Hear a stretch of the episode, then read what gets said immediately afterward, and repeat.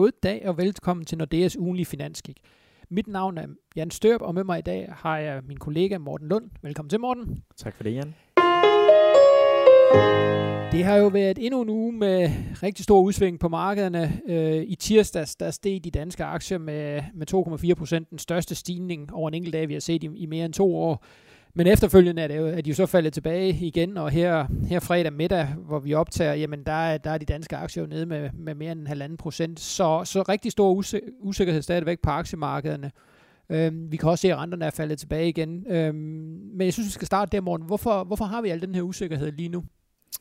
Ja, man kan jo sige, at der er flere ting, der er årsager til det. Øh, I forhold til måske de europæiske og danske aktier, så har det jo øh, nok især været den uro, der stadigvæk øh, hersker nede i øh, Italien.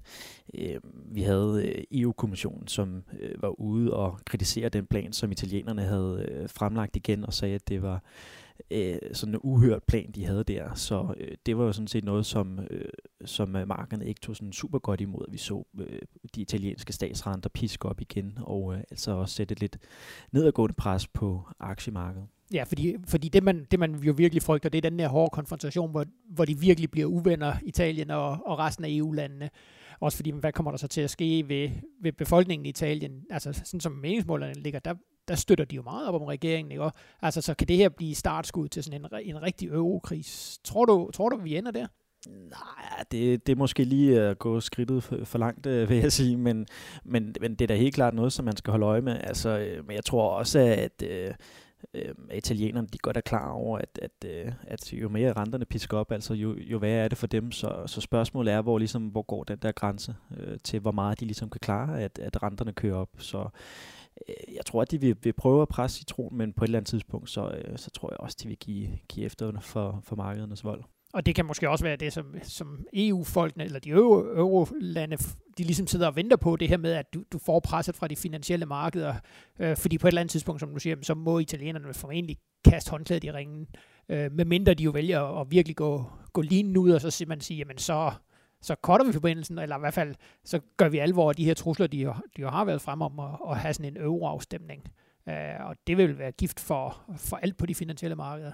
Ja, det vil vel være worst case øh, scenario, men øh, indtil videre så har de i hvert fald ikke sagt, at de vil, de vil ud af EU. Men øh, det er da en, en, jeg vil sige, en, en hel risiko. Mm.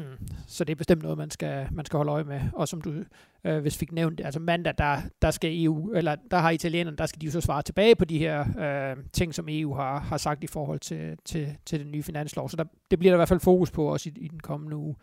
Et land, som som jo så til gengæld har valgt at forlade EU, det er, det er Storbritannien. Der har været masser af fokus i, i den forgangne uge, også på Brexit igen igen. Hvad, hvad er seneste nyt på den front? Jamen, der var jo det her møde i uh, det europæiske råd, uh, hvor Theresa May hun var oppe og holde en tale uh, onsdag aften til, uh, til lederne af uh, EU 27 landene, og uh, der var jo sådan lidt, man kan sige, hvis man går en, en uge eller to tilbage, så var der jo sådan lidt positiv øh, stemning og håb om, at man kunne øh, få et lille gennembrud øh, ved det her møde, som jo i lang tid har været det møde, man ligesom har set frem til at håbe på, at der kunne komme et gennembrud. Men øh, der kom altså ikke rigtig noget øh, nyt øh, på den front. Øh, og øh, det er jo stadigvæk den her grænseproblematik mellem Irland og Nordirland, som er det helt store øh, knudepunkt. Øhm, og det, det ser ikke ud som om, at vi er sådan helt tæt på en aftale, og, og det, det måned altså også ud i, at, at øh, man mere eller mindre har afskrevet øh, novembermødet, som man øh, lidt havde, havde sat næsen op efter, at man så kunne lande en aftale der. Øh, men det ser altså ud til, at vi nok skal frem øh, en gang i, i december på det EU-topmøde, der er der, for at, øh, for at vi kan få en afklaring. Men øh, det, det bliver så altså også, øh, man kan sige, tiden bliver knap der, fordi at, at øh, det britiske parlament øh, og også det øh, EU-parlamentet skal altså have tid til lige at ratificere den her aftale. Øh, så tiden er, må man sige, øh, ved at løbe ud for, for begge parter her. Men hvis du nu skal lægge hovedet på blokken, øh, kommer der så en aftale? Jamen, det er stadigvæk vores hovedscenarie, at, øh, at der kommer en aftale. Øhm, og, det, og det, man skal huske på med de her store internationale aftaler, det er jo typisk sådan, at de presser citronen til sidste øjeblik, og så på et tidspunkt, så må de jo øh, lidt give efter, og så får de jo, øh, får de jo landet en aftale. Altså, det er der jo flere eksempler på senest med, med NAFTA-aftalen. Øh, øh. Så det er lidt spil for galleriet, det du siger mellem, mellem linjerne? Det ved jeg ikke. Det er måske lige at, at, at stramme den, fordi der er jo selvfølgelig øh, dybe uenigheder, øh, specielt øh, indrigspolitisk i, i Storbritannien. Altså mellem de her hardline Brexiteers, øh, det nordiske parti DUP, øh, med Arlene Foster i spidsen. Så, så så der er jo selvfølgelig rigtig mange øh, øh, ting, der ligesom skal gå op i en højere enhed, øh, men vi tror stadigvæk på, at, at, at de når frem til en aftale, fordi at, øh, at konsekvenserne ved, ved ingen aftale, det vil altså være, være forholdsvis store mm. for Storbritannien. Men både Italien og, og Storbritannien, det er jo noget af den her politiske usikkerhed, som, som nærer på de finansielle markeder, og netop får de her aktiemarkeder til at, at være under pres, og også får, får renterne, i hvert fald i nu snakker Danmark og de sikre havn, til at, til at falde tilbage, fordi altså, politisk usikkerhed, det er jo, det er jo virkelig gift for, øh, for sådan en markedssentiment. Øh, lige en sidste ting, vi lige skal runde, inden vi kigger frem mod den næste uge. Øh, kinesisk BNP-tal, det var, det var nogle sløje nogen, vi fik ud her fredag morgen.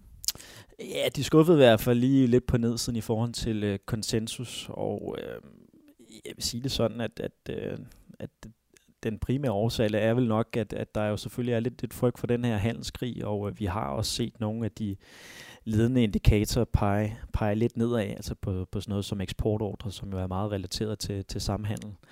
Og øh, man skal da nok forvente, at, at man kommer til at se et lille, et lille fald, eller deacceleration i væksten i, øh, i Kina, sådan øh, i, øh, i den kommende tid, øh, på grund af den her handelskrig. Men, men, øh, men altså, nu siger du le- eller lidt skuffende, altså det var vel dybest set det, det, det dårligste kvartal, de har haft siden, siden finanskrisen, øh, målt på, på BNP.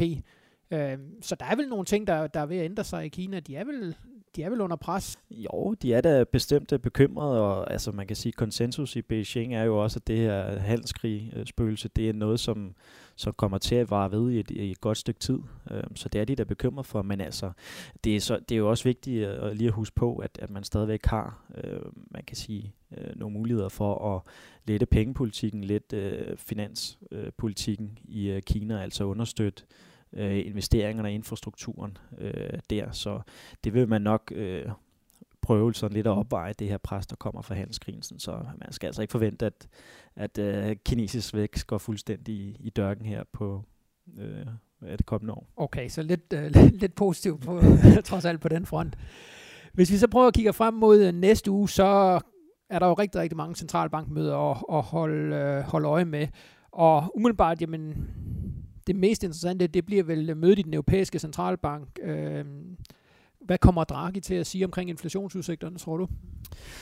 Ja, det er et godt spørgsmål. Altså, øh, de blev ved med at sige øh, nede i ECB, at der er tegn på, at øh, inflationen skal op, men altså de seneste inflationstal for kerneinflationen, vi fik, de, de var jo ret skuffende.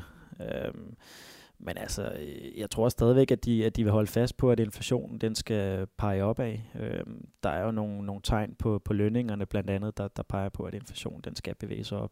Ja, fordi det, men det var det mest bemærkelsesværdige på det sidste møde, den her måde, som Draghi var sådan meget stålfast i, at nu stiger kerneinflationen og bare venter og se. Øh, og så, så får vi nogle faktiske tal, der faktisk viste vis det stik modsatte.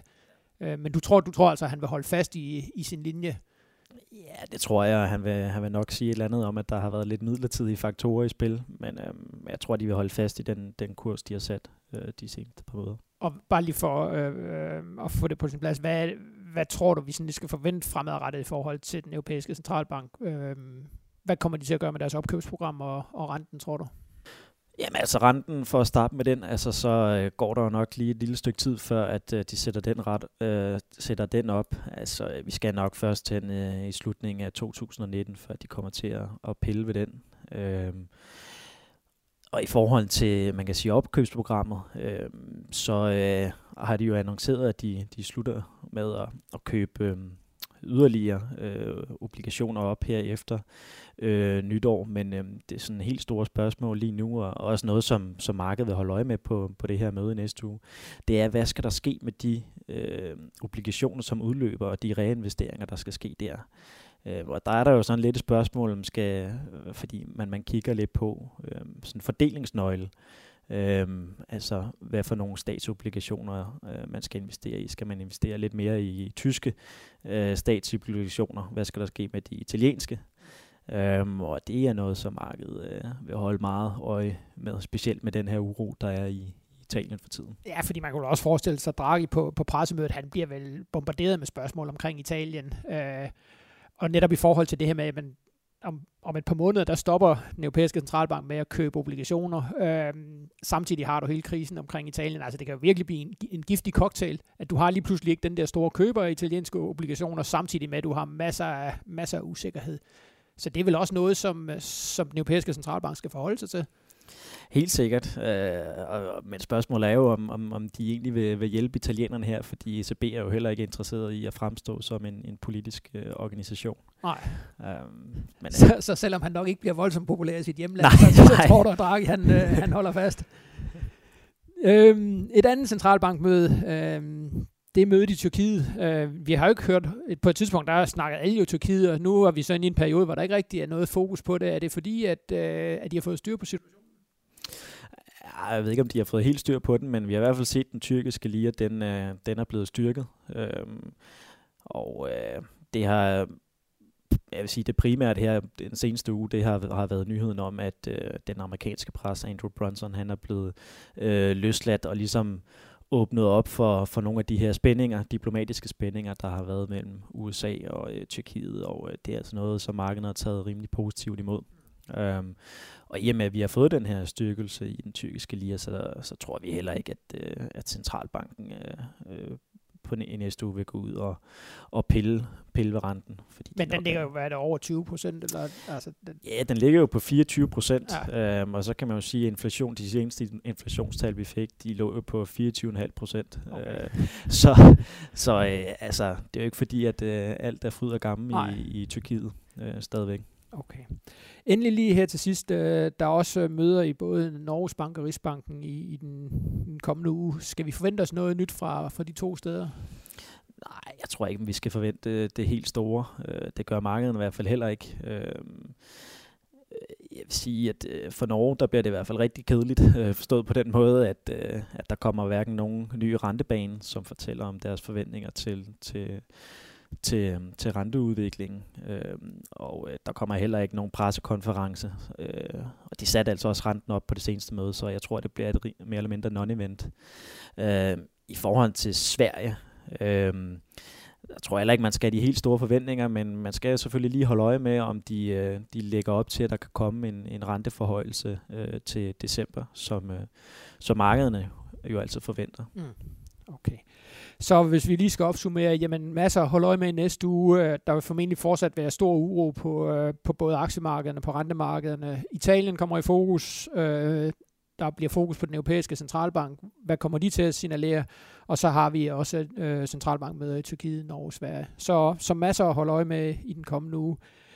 Øh, tak for det, Morten. Og tak fordi I lyttede med. Øh, det håber vi også, I gør i næste uge, hvor vi kommer med en ny udgave af vores finanskig. Tak for nu.